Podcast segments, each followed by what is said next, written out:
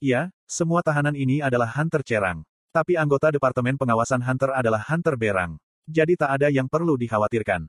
Kim mengalah dan mengangguk. Itu adalah teori dasar jika kamu membutuhkan setidaknya 10 Hunter Cerang untuk mengalahkan satu Berang. Jika Hunter Berang seperti itu, menawarkan untuk tak hanya mengawasi para tahanan. Tapi juga membantu dalam raid, tak ada yang perlu dikeluhkan. Satu Berang dan tiga Hunter Cerang. Jinwo menatap Hunter HSD dan para tahanan dengan kebingungan. Ada sesuatu yang aneh.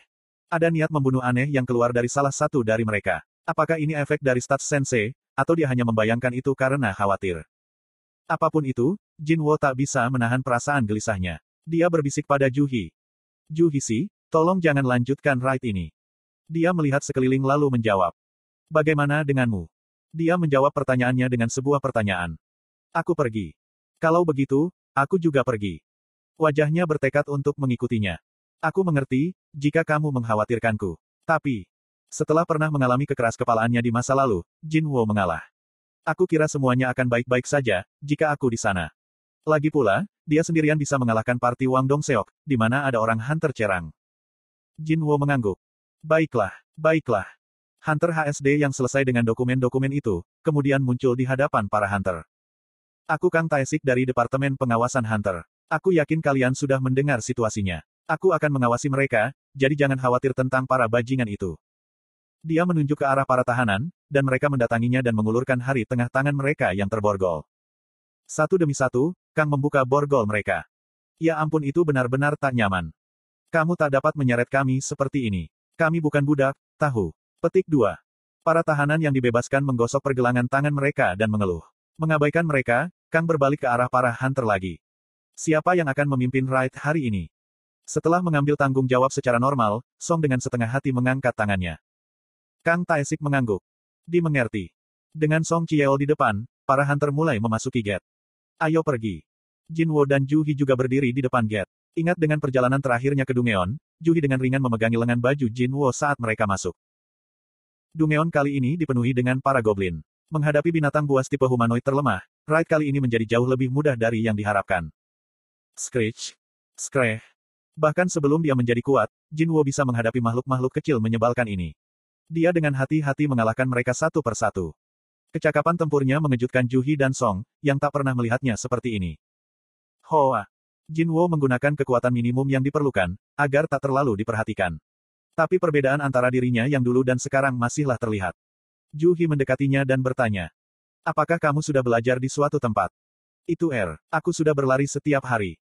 Berlari. Juhi bingung, tapi itu bukan kebohongan. Tapi, aku tak mendapatkan poin XP apa pun. Scratch. Level musuh terlalu rendah. Anda tidak memperoleh poin XP. Scratch. Level musuh terlalu rendah, Anda tidak memperoleh poin XP. Jin Wo kecewa. Yang dia dapatkan hanyalah pesan, jika level para goblin terlalu rendah. Dalam situasi ini, lebih buruk lagi, mana kor dari para goblin adalah tingkat yang paling rendah. Jin Wo melihat sekeliling, bersenang-senang dengan kebebasan bergerak setelah waktu yang lama, para tahanan pergi dan melampiaskannya kepada para goblin. Screech. Skrieh. Sulit untuk mengatakan siapa manusia dan siapa binatang saat melihat itu. Sepertinya, aku tak harus melakukan terlalu banyak berusaha. Meski begitu, dia tak mendapatkan poin XP atau penghasilan yang baik. Itu yang Jinwo pedulikan. Jika akan seperti ini sepanjang waktu, haruskah aku meninggalkan asosiasi?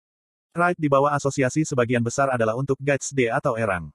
Dan jika dia tak mendapatkan poin XP di Dungeon tingkat rendah itu, tak ada gunanya baginya untuk tinggal di bawah naungan asosiasi lagi. Dan pada titik ini, aku dapat dengan mudah mengurus tagihan rumah sakit ibu. Dia bisa meninggalkan asosiasi, kapan pun dia mau. Inilah sebabnya, mengapa memiliki uang itu adalah hal yang baik. Itu memberi Jinwo lebih banyak kebebasan untuk mengambil jalan yang ia ingin lewati. Sementara dia tenggelam dalam pikirannya, parti itu telah berkelana jauh ke dalam Dungeon. Hah? Hem. Mereka menemukan tiga jalan yang berbeda. Kang menyarankan ke Song. Kesulitan dungeonnya agak rendah. Haruskah kita berpisah di sini? Petik 2. Kedengarannya bagus. Song setuju. Jinwo menutup matanya dan memfokuskan indranya. Sekarang jalan mana yang mengarah ke bos? Dia berharap setidaknya bos akan memberinya sedikit poin XP. Segera, energi berbagai makhluk hidup di Dungeon masuk dalam deteksinya. Membuka matanya, Jinwo memberitahu Song. Ah Jusi, ayo pergi ke jalan kiri. Baiklah. Jinwo, Juhi, dan Song Chieol memilih jalan kiri.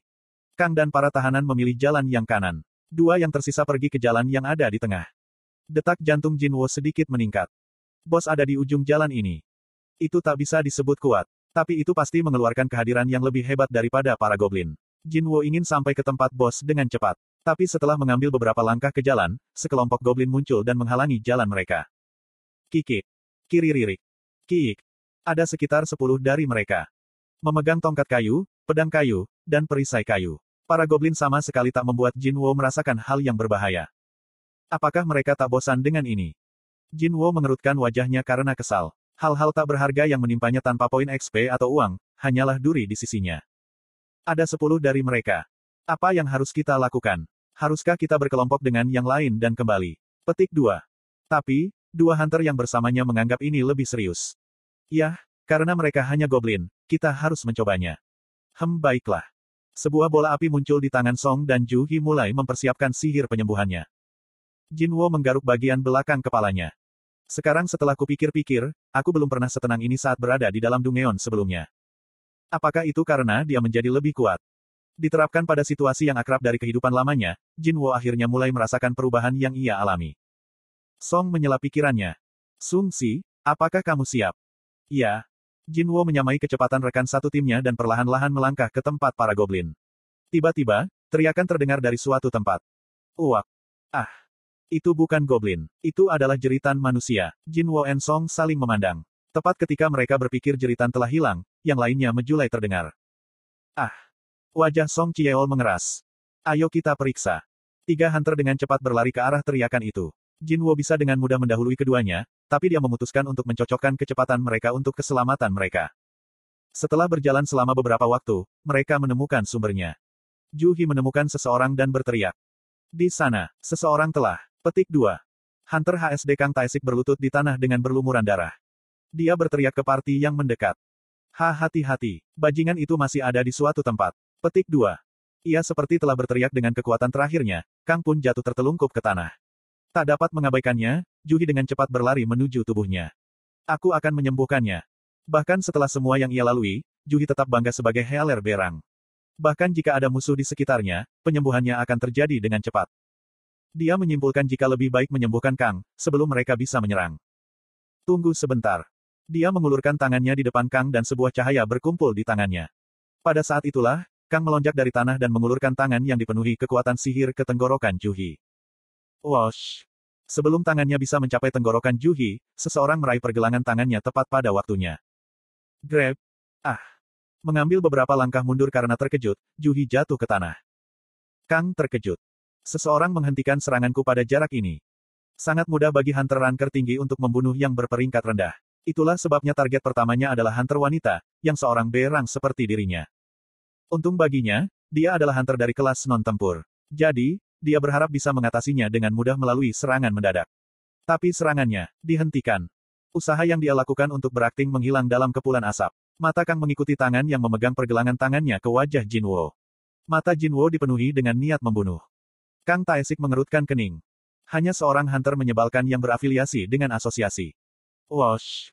Tinju Kang lainnya terbang ke arah wajah Jinwo, tapi lelaki itu dengan mudah menoleh dan menghindari serangan itu. Apa? Kang melepaskan diri dari cengkeraman Jinwo dengan kekuatannya. Apa? Jinwo juga terkejut. Itu adalah kekuatan yang layak bagi seorang hunter ranker tinggi. Setelah membebaskan dirinya dari tangan Jinwo, Kang melakukan serangan tanpa ampun. Tak kehilangan kecepatannya, Jinwo menghindar dan melakukan serangan balik. Pun, streak, wash, bam, po. Kedua pria itu tanpa henti menyerang dan menghindari pukulan satu sama lain. Tak satu pun dari mereka mundur. Saat mereka berkelahi, Song meraih Juhi dan menariknya menjauh dari bahaya. Ah, ah Jusi. Juhi tak bisa bicara, dia terpana dengan apa yang ia lihat. Song bahkan lebih terkejut darinya. Bagaimana ini mungkin? Serangan dan pertahanan mereka terjadi dengan kecepatan yang luar biasa. Itu terlalu cepat bahkan untuk dilacak, dengan matanya sendiri. Gerakan Hunter berperingkat tinggi memang tak masuk akal. Tapi Sung Jinwo bukanlah salah satu dari orang itu. Pemuda itu dapat mengikuti gerakan dari seorang Hunter berang. Kecepatannya terlalu cepat bahkan untuk mata cerang ini. Dia benar pada perasaannya sebelumnya. Jinwo yang bertarung di depannya bukanlah lagi Hunter Erang lemah yang sama dari sebelumnya. Setelah bertukar serangan dalam sekejap mata, kedua Hunter mundur satu sama lain untuk mengatur napas mereka. Jinwo memandang Kang dengan mata menyipit. Darah di pakaianmu, itu bukan milikmu, kan? Kang menggosok pergelangan tangannya dan menjawab. Benar, ini darah para keparat itu, kesampingkan itu, untuk berpikir jika aku akan bertemu hunter sepertimu di sini. Dia benar-benar terpesona. Dia tak tahu jika ada hunter yang berafiliasi dengan asosiasi yang merupakan seorang ranker tinggi. Ini tidaklah bagus. Dia mengira hari ini adalah kesempatan terbaiknya untuk berakting. Tapi penampilan Jinwo telah melemparkan kunci pembuka untuk rencananya. Kang bertanya karena penasaran. Kamu siapa? Apa rangmu? Petik 2. Jinwo mengeluarkan kasakas Poisonet Fang di tangannya dan menjawab. Sung Jinwo, Erang.